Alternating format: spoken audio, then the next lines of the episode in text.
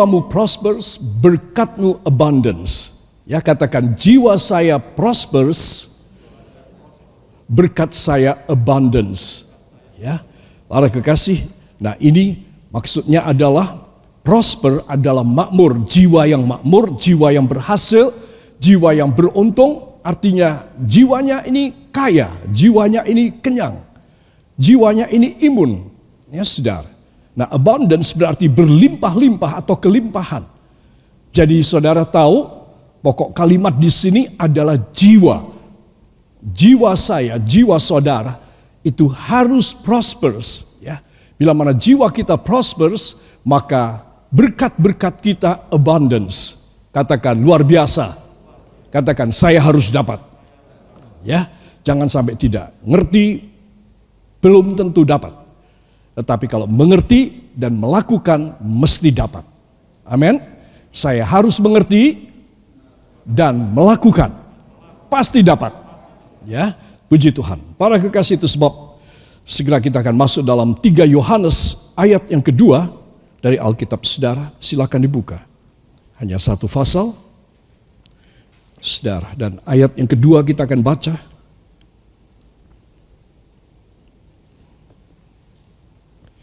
Satu, dua. Saudaraku yang kekasih, aku berdoa semoga engkau baik-baik dan sehat-sehat saja dalam segala sesuatu. Sama seperti jiwamu baik-baik saja. Amin. Saudara yang kekasih ya, kita mendapatkan di sini harapan supaya jiwanya baik-baik saja. Nah, saudara, jiwanya baik-baik, banyak orang mengatakan, "Ya, aku baik kok, jiwanya baik." Ya. ya cuman aku tidak usah ke gereja. Aku tidak usah berkorban, aku tidak usah berdoa dan membaca Alkitab karena jiwaku sudah baik. Nah, ini keliru lagi. Ya, itu sebab perlu saya jelaskan di sini dan saya ingin supaya kita semua melihat dengan jelas ya Saudara, apa yang dimaksud dengan jiwamu baik-baik saja. Ya, Saudara. Nah, para kekasih, mari kita akan melihat lebih dulu bagaimana dan seperti apa jiwa yang prosper tersebut yang dikatakan dalam eh, terjemahan bahasa Indonesia baik-baik saja. Ya saudara, kita akan membuka kemudian di dalam Mazmur 107 ayat yang keempat sampai dengan ayat yang kesembilan. Kita akan baca dengan suara yang nyaring juga di rumah saudara. Kita mulai dari judulnya. Siap judulnya. Satu, dua.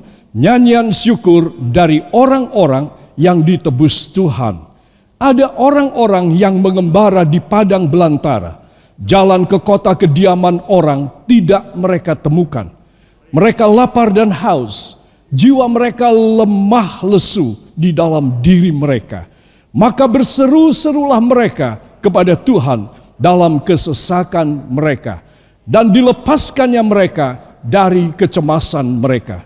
Di bawahnya mereka menempuh jalan yang lurus sehingga sampai ke kota tempat kediaman orang.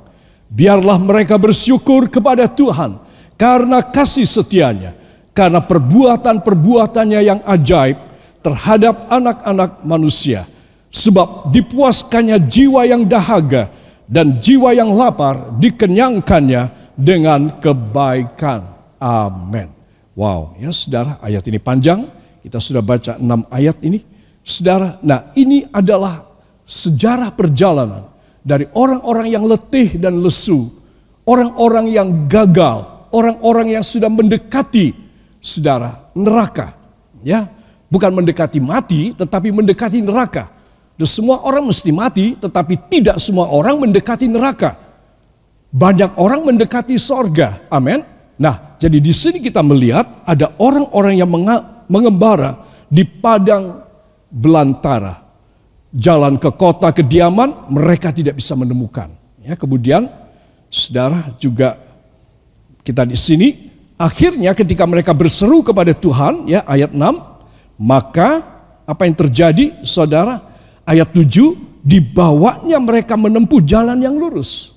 Orang yang berseru kepada Tuhan niscaya Tuhan menjawab dan Tuhan akan membawa dia, memimpin dia dari jalan yang keliru Jalan di mana tidak ada orang, di mana ada pekerjaan kuasa gelapan, banyak mara bahaya akan dibawa oleh Tuhan.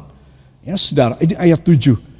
Dan mereka menempuh jalan yang lurus sehingga sampai ke kota tempat kediaman orang. Jadi kita sudah tahu ya settingnya dari hidup yang mengembara. Ya saudara, entah di hutan, entah di tengah-tengah pekerjaan kuasa kegelapan, saudara, dalam ketakutan, di dalam teror, di dalam horor, lalu Tuhan memimpin Kenapa Tuhan memimpin? Karena orang ini minta berseru kepada Tuhan. Saudara, banyak orang Kristen, anak-anak Tuhan mengerti jalan ini tahu. Kalau aku susah, kalau aku diganggu oleh kuasa kegelapan, kalau aku dalam keadaan yang terjepit, aku harus berseru kepada Tuhan. Tetapi tidak dilakukan. Ya saudara, coba kalau seseorang dia berseru kepada Tuhan, niscaya Tuhan menjawab seruan doanya. Amin dan Tuhan membimbing dia dari jalan yang antah berantah, dari hidup yang penuh dengan keadaan yang kalut, kelabu, horor, teror, akan dipimpin oleh Tuhan ke jalan ke tempat orang. Ya, saudara, artinya apa? Mendapatkan kembali. Ya, saudara, mendapatkan kembali proforma apa yang harusnya dia terima dari Tuhan. Dan itu dijelaskan dalam ayat yang ke-8 dan ayat yang ke-9. Sebab itu berseru kepada Tuhan adalah penting sekali. Berdoa dan berseru itu beda. Berdoa saudara bisa berdoa. Saudara, saudara bisa minta. Tapi kalau saudara berseru itu saudara, engkau begitu kuat seruanmu kepada Tuhan.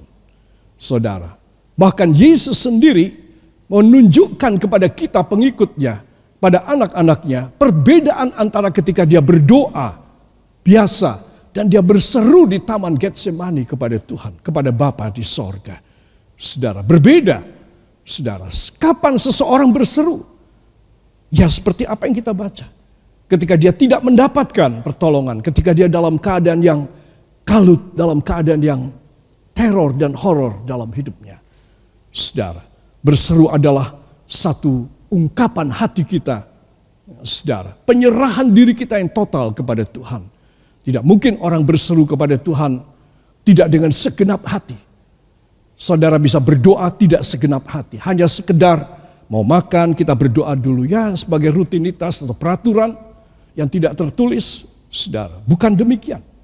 Orang berseru itu selalu kepada Tuhan. Dia ikutkan seluruh hidupnya kepada Tuhan. Ya, Saudara. Nah, inilah yang menjadi kehendak Tuhan. Para kekasih, sini saya akan menunjukkan Mulai dari ayat 4, miskin rohani kesasar. Dia pasti kesasar. Di tempat yang ngeri.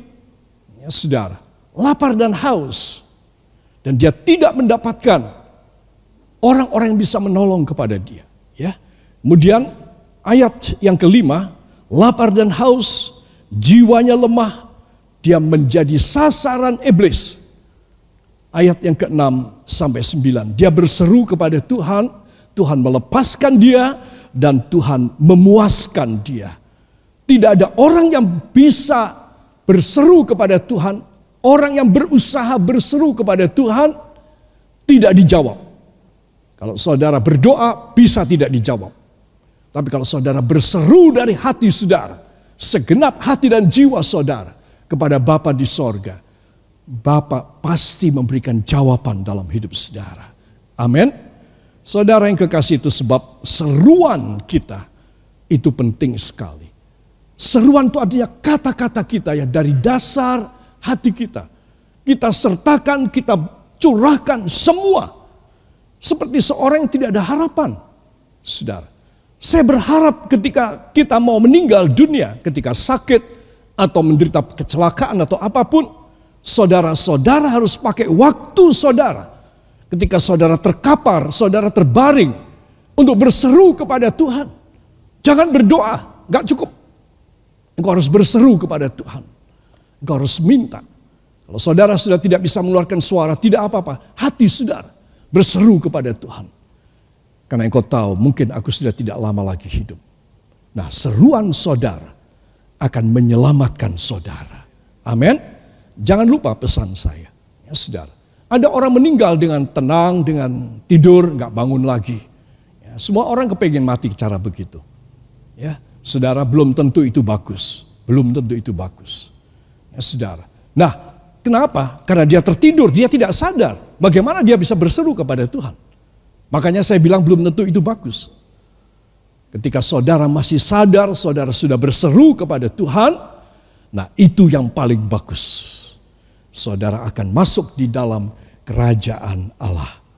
Yang percaya, beri tepuk tangan bagi dia. Haleluya. Para kekasih. Nah, di sini saya menunjukkan Yesus sang pintu. Kenapa saya menghubungkan dengan Yesus sang pintu? Karena dia itulah dialah yang mempunyai segala sumber, segala resources dalam hidup saudara, dalam hidup saya yang kita miskin, yang kita tidak punya.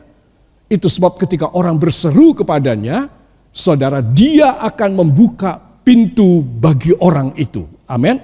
Nah, di dalam Yohanes pasal yang ke-10, para kekasih, mohon dibuka Alkitab saudara. Ada beberapa ayat akan kita baca dari Yohanes pasal yang ke-10.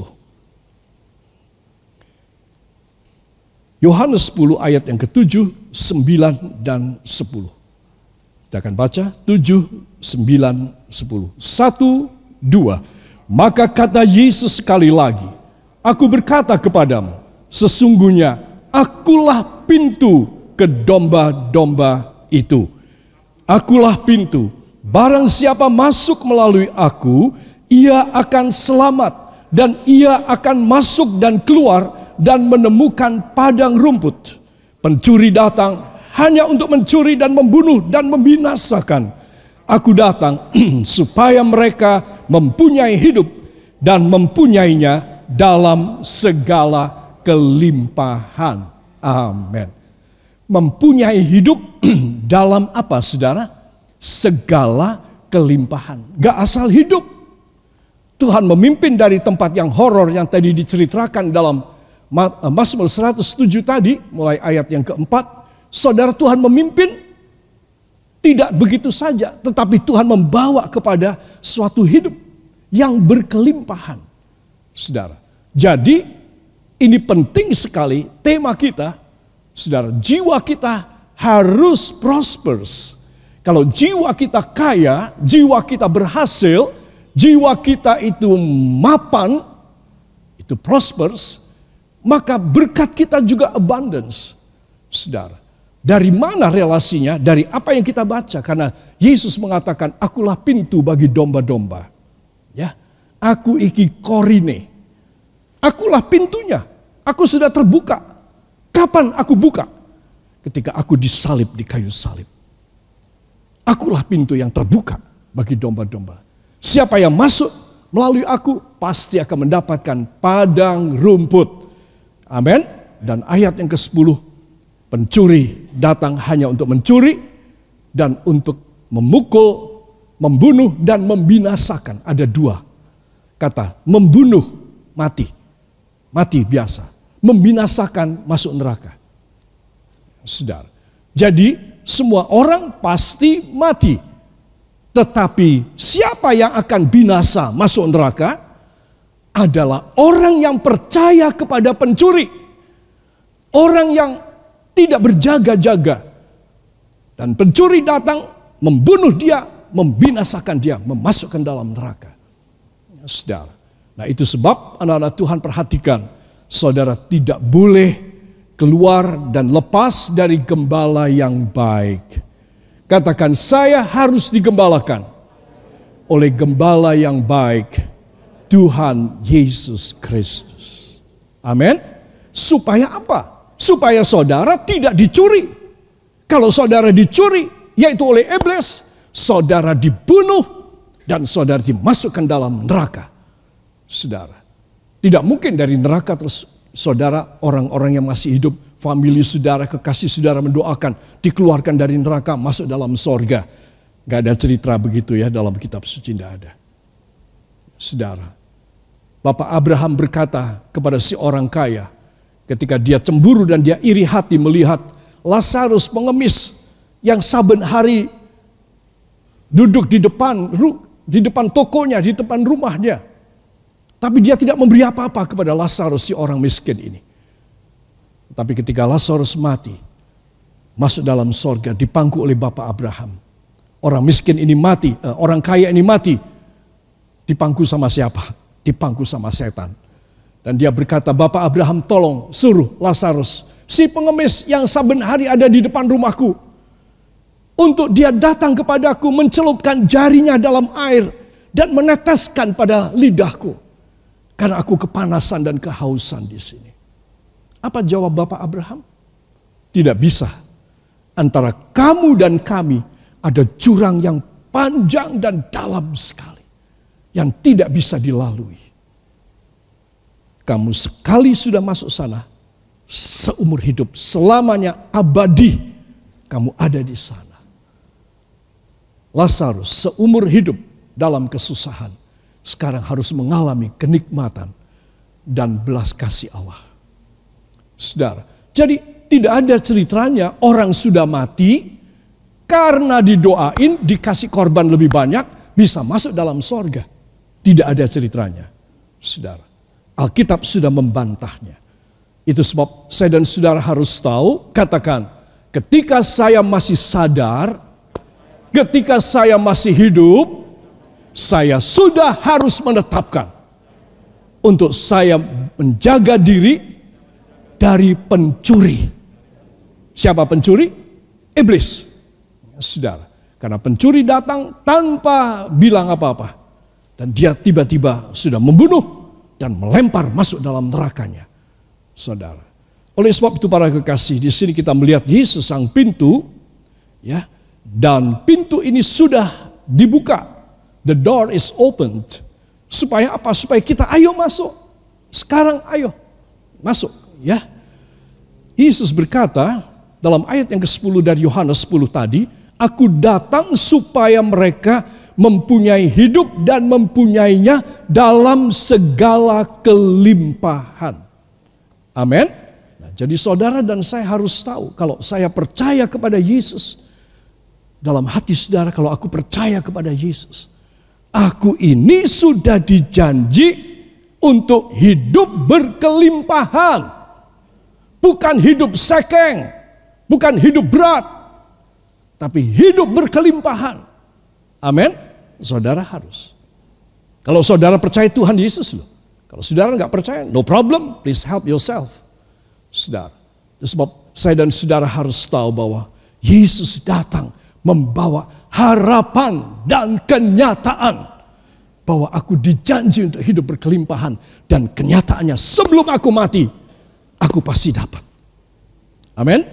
Katakan kenyataannya adalah sebelum saya mati saya pasti dapat.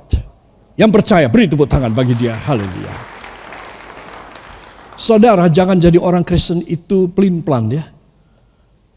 Orang Kristen yang separuh-separuh. Orang Kristen yang tidak total kepada Tuhan. Engkau akan kecewa. Saudara. Dan saudara juga harus tahu.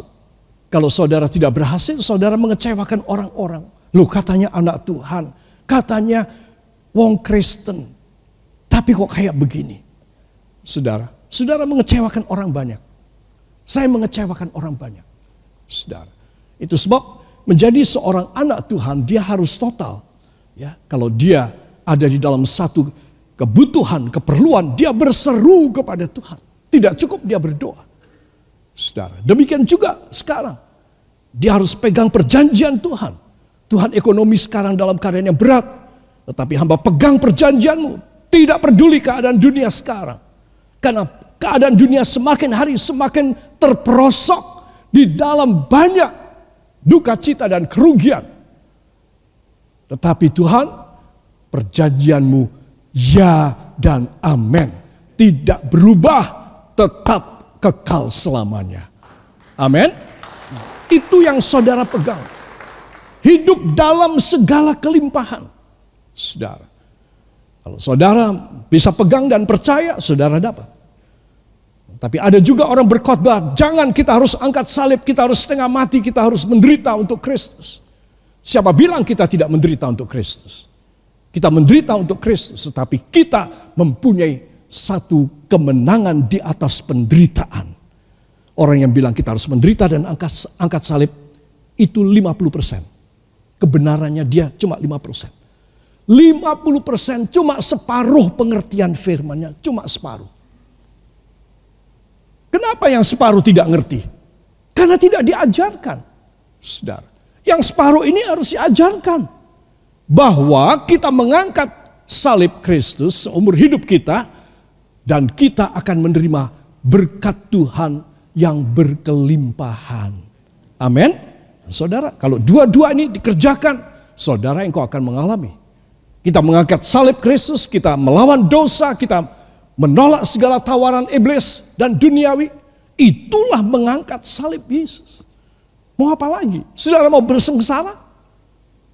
Mau dipaku di kayu salib? Mau dicambuk, mau dicemeti? Mau puasa sampai saudara jatuh pingsan? Saudara, saya ingin supaya semua saudara sadar bahwa perjanjian Tuhan bukan bikin sengsara saudara menerima perjanjian Tuhan yang saya sampaikan ini full. Ya. Angkat salib dan mengikut Yesus dengan segala konsekuensi dan resikonya. Dan saudara menerima pintu yang terbuka. Katakan pintu yang sudah dibuka.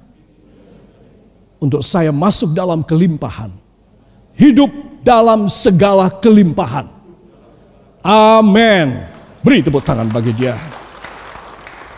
Para kekasih, abundance and abundantly, ya, berkelimpahan dan hidup berlimpah-limpah. Saudara, inilah yang menjadi kehendak Tuhan, ya, jangan sampai lupa. Para kekasih, saya akan masuk pada penutup dari khotbah saya dan sekarang saya akan menunjukkan siapa yang layak menerima kelimpahan dari Tuhan. Nah, ini penting. Tadi saya sudah bilang, janjinya Tuhan, pintu sudah dibuka. Ya, saudara, wah semua orang kepengen masuk deh, pasti. Semua orang kepengen masuk. Saudara, tetapi ada penjaga, ada persyaratan. Eits, kamu tidak boleh masuk. Loh, kenapa saya tidak boleh masuk? Kan Tuhan sudah membuka. Katanya disuruh saya disuruh masuk. Kamu tidak bisa masuk sekarang. Ya, mari kita akan melihat bagaimana membuka pintu surplusmu. Saudara, kesemua katakan, saya harus mengutamakan kelurusan hidup saya. Yuk sekali lagi, satu, dua, saya harus mengutamakan kelurusan hidup saya. Ya, nah ini penting sekali. Saudara yang kekasih, mari kita akan membuka Ayat ini ya sudah ada di sini kita akan baca. Yesaya 22 ayat 22. Satu, dua. Aku akan menaruh kunci rumah Daud ke atas bahunya. Apabila ia membuka, tidak ada yang dapat menutup. Apabila ia menutup, tidak ada yang dapat membuka. Amin. Saudara jangan keliru, ini bukan untuk pribadi Yesus. Di dalam kitab Wahyu memang ini untuk Yesus, wahyu fase yang ketiga. Yesus berkata, kalau aku sudah membuka, tidak ada yang bisa menutup. Kalau aku sudah nutup, nggak ada yang bisa membuka. Itu memang Tuhan Yesus. Tetapi Yesaya 22 ini berbicara tentang seorang manusia biasa. Siapa? Siapa? Manusia biasa.